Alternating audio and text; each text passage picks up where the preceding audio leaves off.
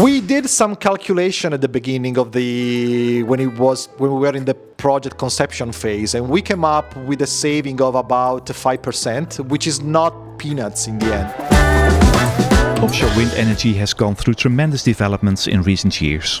Innovation was a key driver for its success. If offshore wind wants to make a lasting contribution to the energy transition, the sector must continue to innovate. I am David de Jager of GROW, a consortium with a joint research program in offshore wind. In this podcast series, I want to give you an impression of the key research and innovations that will shape the future of offshore wind.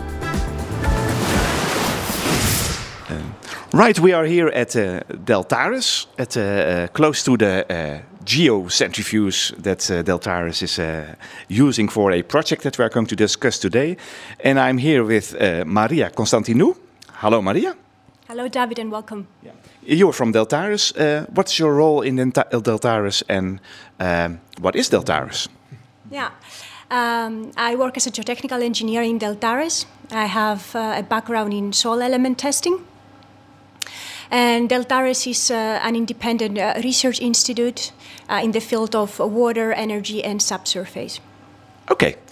And I'm also here with uh, Federico Pisanò from the Technical University of Delft. Hello, David. I think what, that I know what the university is doing, but what are, is your work at the, at the university? Yeah, I, I joined the TU Delft in, uh, at the end of 2014 with, uh, with an appointment entitled Offshore Soil Mechanics, and uh, it's pretty se- self explanatory, I would say. Like, I, I do work in uh, behavioral soils in offshore conditions, but since I joined, my uh, efforts in education and research have been mostly devoted to offshore renewables more than oil and gas, and particularly offshore wind, which is a, a large part of the, uh, let's say, of the mission of the university to support the energy transition. Okay, thanks. Uh, and uh, Maria, what type of education did you take to? Uh, what does it take to become a geo engineer here at Deltares? Can you tell me something about that? Yeah, I am a, uh, I am a civil engineer, and I have a master thesis and uh, a doctoral thesis on geotechnical engineering Okay. And where did you do the, that uh, education? in Athens. In Athens. Yes. Okay. Yeah. And uh, so we have an international uh, uh, Absolutely, people yeah. here because Federico, what what did what's your background? Yeah, my background is also in uh, civil engineering, and uh, I also got uh, a PhD in geotechnical engineering. Uh, I was working on different topics back then, but then I started to put my effort into offshore as I came here to Delft, and uh, uh, all my education was uh, taken in, in Milan, in Italy. That's where I'm from. Yeah, because both of you are involved uh, in a project. We are talking in the geoscience, uh, geotechnical uh, research, a project that's dealing with the interactions of uh, monopiles with their surroundings uh, in the soil, and it's called MIDAS. And it's monopile improved design through advanced cyclic soil modeling. You always need a good acronym. Um, Indeed, you do. What, what, uh, uh? What, what, what is this project about? Yeah. Uh, well, the idea for Midas came uh, came out after already some time being working on the topic of uh, monopile foundations for uh, wind turbines, and we realized, uh, in agreement also, I would say, with the rest of the community, that there is knowledge gaps regarding how monopiles behave under certain kinds of environmental laws that we call cyclic meaning that they are applied in repetitions, actually long lasting repetitions. And that is something that you can associate with the action of uh, repeated winds and waves applied to the structure that are transferred to the foundation in the soil. The industry and the academic community agree that uh, we are not yet good enough at designing foundations under this kind of loading. And uh, we thought we would actually devote part of our work to this. And that's how the idea of Midas came out. And uh, that's actually what Midas revolve around. Um, a monopile, it's a huge uh, structure. Yeah, it's a huge cylinder basically that you push into the ground to support the overlying structure to which it's connected. And it has, can you give some dimensions, a feel of what we're talking about in terms of weight or length? Or Yeah, a monopile in reality is in essence a very simple object. is a is a large cylinder uh, with a thin wall, and the thin wall means that the ratio between uh, uh, diameter and uh, wall thickness is around 100, so it's pretty thin. Uh, the most remarkable feature is the very large diameter. And when I, I, remember when I started to work in this area a few years ago, people were talking about monopiles having diameters up to five meters, and that was a few years ago. And now people say, yeah, we're going to 10 meters and beyond. So in just four or five, we're not talking centuries, but in just four or five years, uh, we're basically double the size of these guys. And uh, with this big diameter, we're talking about a penetration in the ground that is in between three, four, five times the diameter. So with such a large diameter, you in turn obtain also a very long embedment, but the pile remi- remains pretty stubby. It's not very elongated because of this uh, large diameter. Yeah, and what is the roughly the weight that you can encounter? Well, I mean, obviously it depends on the on the sizes that we are discussing, but we're talking about hundreds of tons a huge amount of. Uh, yeah, it's a lot of steel, yeah. of expensive steel. Um, um, but such a huge structure has can be impacted by wind and waves. If it, you would think it's deep in the ground, it's solid as a rock. Uh, what can happen uh, uh to to a monopile? Uh? Well, that's actually that's actually a good point in the sense that yeah, this foundation are in the ground, are big, but they're also supporting something big on top. So if you hit these big turbines with, uh, with loads that are applied with a large distance from the bottom of the seafloor, you transmit overturning actions to the bottom that tends to make rotate the pile.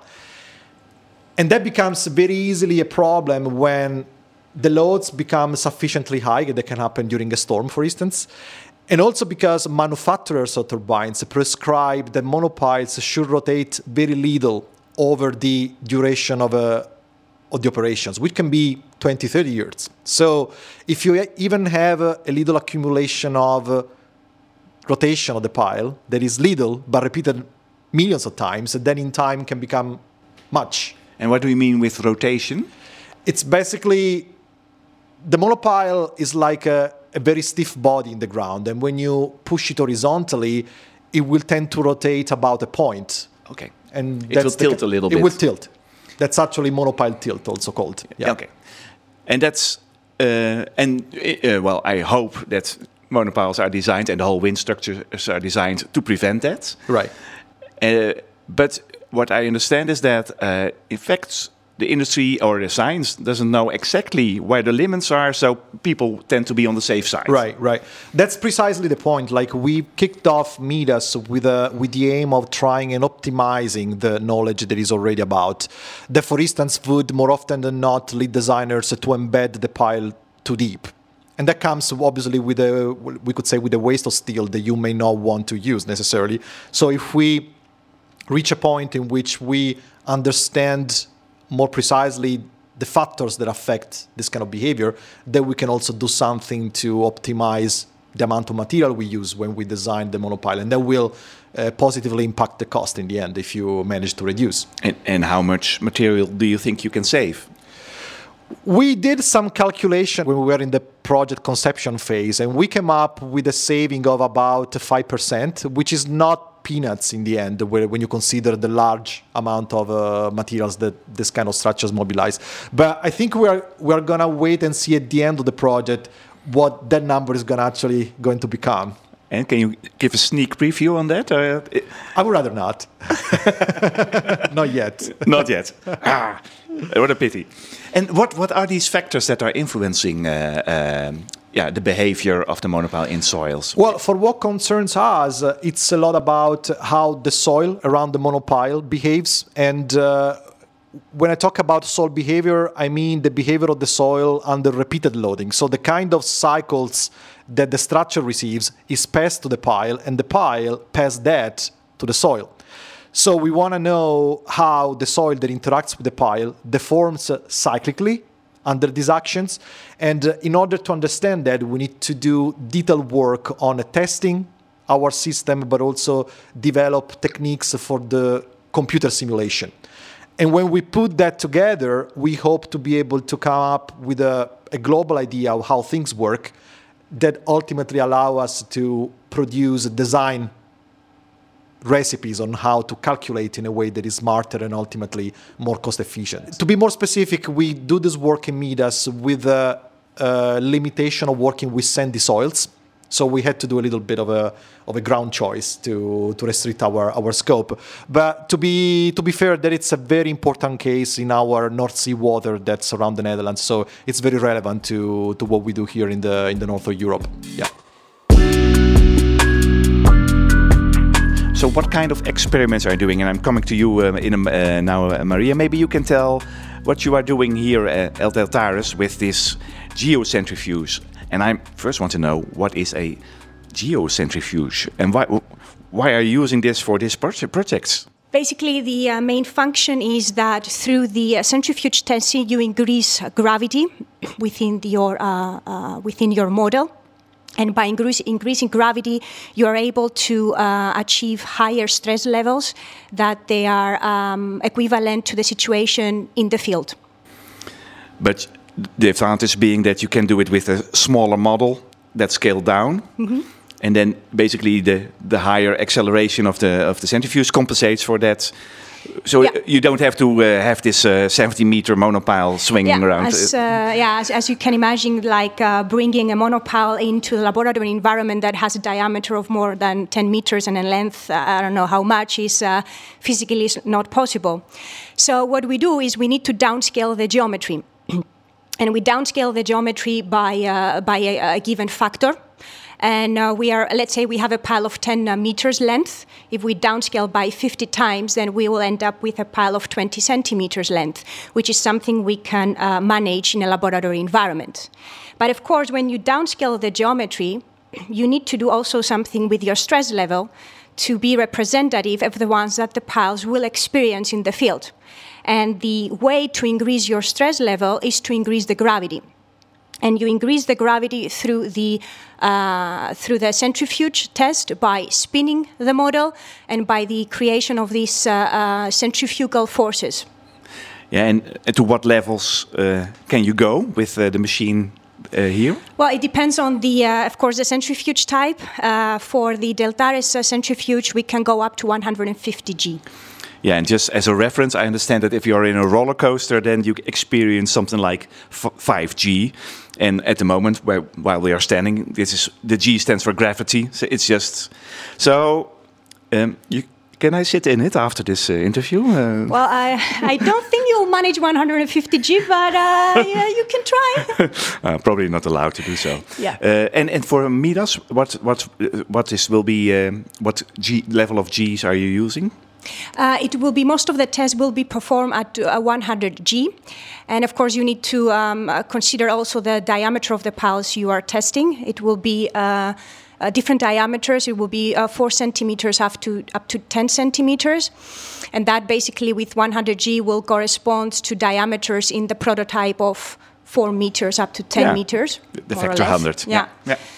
And we will also do some tests at a lower G level to compare the results with the ones with the test performed at TU Delft. Yeah. So, talk me through. You have the centrifuge, and you have basically a bucket with a lot of sand.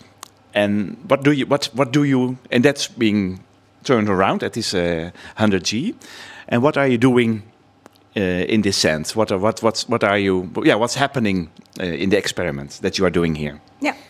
Well, as Federico said, we are interested in investigating the interaction of the pile with the soil under uh, lateral cyclic loading.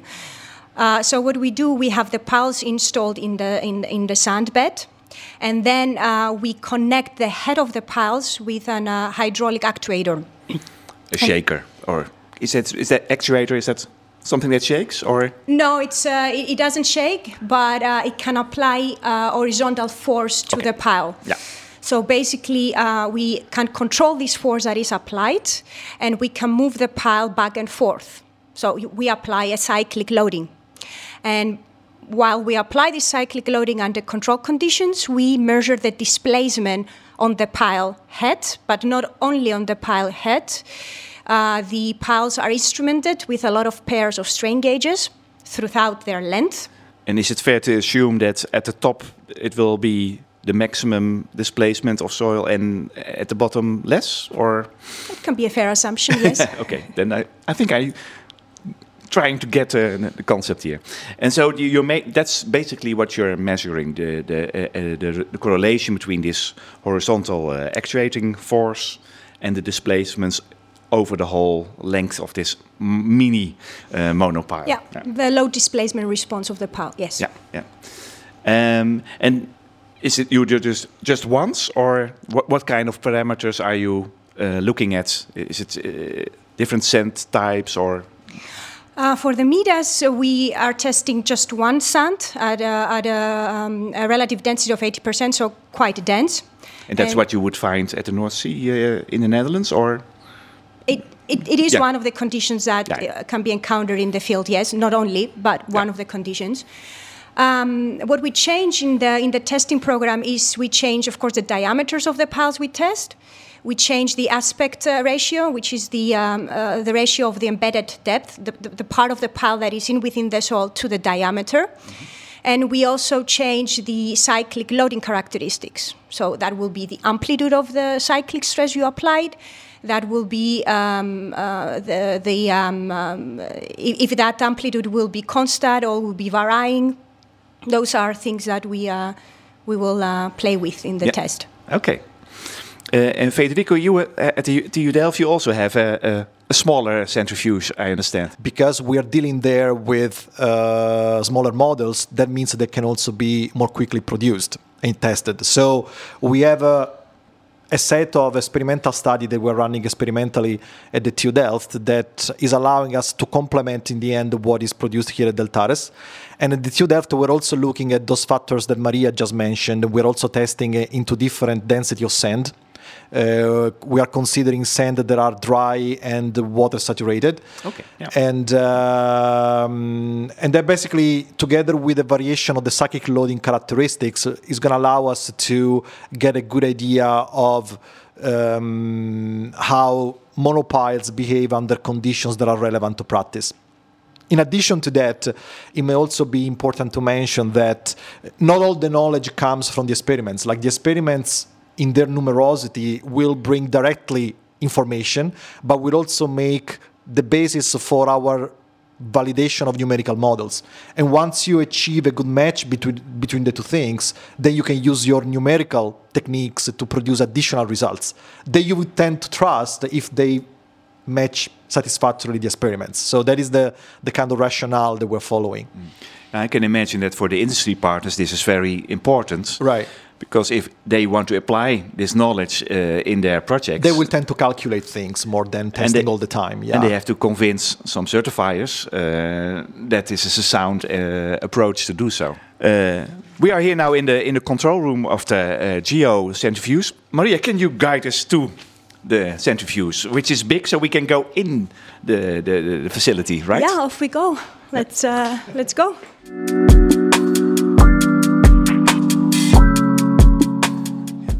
Walking through a hall now with Maria, and we are entering. Uh, uh, yeah, it's it's it's a, a, a circle circular uh, facility with a big door in front of it. You can hear the probably the, the on the sound that we are now entering uh, this building, and uh, yeah, this is the. The, the, the entertainment part of uh, of the project, I guess. Uh, so, we are. What, what can you indeed describe what we are seeing, Maria? Yeah, uh, basically what we see is uh, the actuator has a, a platform, and that platform has a radius of about five meters. And at the end of this platform, we have a swing, and that's the place where our strong box. Uh, the, the box where the model is will be placed, and on the other side of the of the swing you have a counterweight, which basically is there to make sure that there is no unbalanced mass that we create any uh, sort of vibrations and can damage the centrifuge. Uh, what we also see in the centrifuge, you have your data acquisition unit. Yes, okay, yeah. A big package, Yeah. a big rack with all kind of uh, interface uh, opportunities. Yeah. And this basically you have a lot of uh, sensors on your piles and uh, sensors coming from your actuators, and everything needs to be connected so you can uh, obtain and uh, uh, read the data. Yeah, and the, you, I, well, let's. I call it. I don't know how you call it, but I call it kind of basket. There you they put your the the the the, the, the, the the other basket with sand and the monopiles in it. It's now then vertical, but the moment it starts rotating, it will flip to the, the walls and it will gear up to this 100G. Yeah, correct. Uh, once it starts spinning, this, uh, this uh, basket, it will rotate by 90 degrees because, of course, the centrifugal force will be developed in the horizontal direction. Yeah. Then let's move to the, to the, the, the box.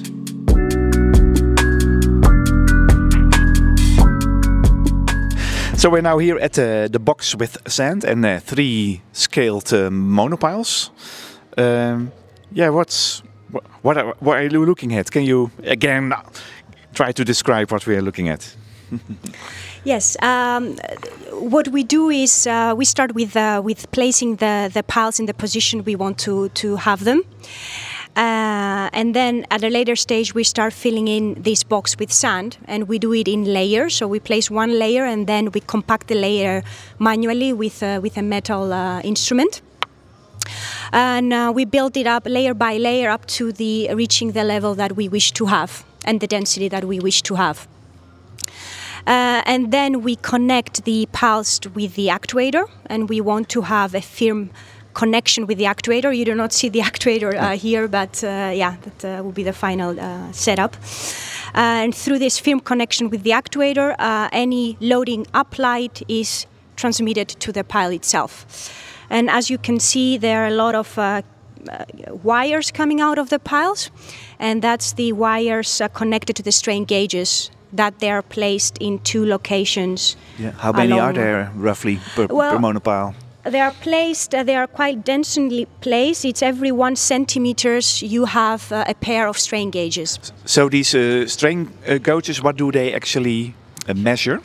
Um, they actually measure the uh, strain that the, the, pile experienced during the application of the cyclic loading. So that's the movement in the pile, right? Or yeah, oh, so it's the, vertical displacement. Is that? Yes, yeah, correct. Okay, that's correct. And and the test in the geocentrifuge, how long does it has to spin uh, for well, a good data results? Of course, that depends on the testing conditions. What the, will be the frequency? How many loading cycles you wish to have? But on average, we can test uh, these three piles in one day. In one day, and that then resembles several weeks uh, in in a real field of that or something like that, or if well, our our tests usually feature a number of cycles which is about 1000 so in reality there is a, a practical limitation to how much testing we can do and uh, a monopile in reality it would be subjected to millions of cycles. So there is not something that we can achieve. Okay. Yeah, i suggest that we move back to the control room. Yeah, let's let's uh, go to the question from uh, Koen Hermans. Yeah, so I'm quite interested to see uh, how uh, sensors in a monopile can actually help uh, you to answer your research questions on the soil structure interaction. So why are typical monopiles actually not yet equipped uh, with sensors? Yeah, uh, I mean, in our project Midas, the sensors applied to the monopiles are uh, are essential, I would say, because they allow us to uh, figure out what is the state of uh, internal solicitation that a pile gets from being loaded externally and interacting with the soil. That's something we call bending moments. That's basically what we what we get from these strain sensors on the piles. And uh, of course, we also have sensors that record the motion, more like the displacement.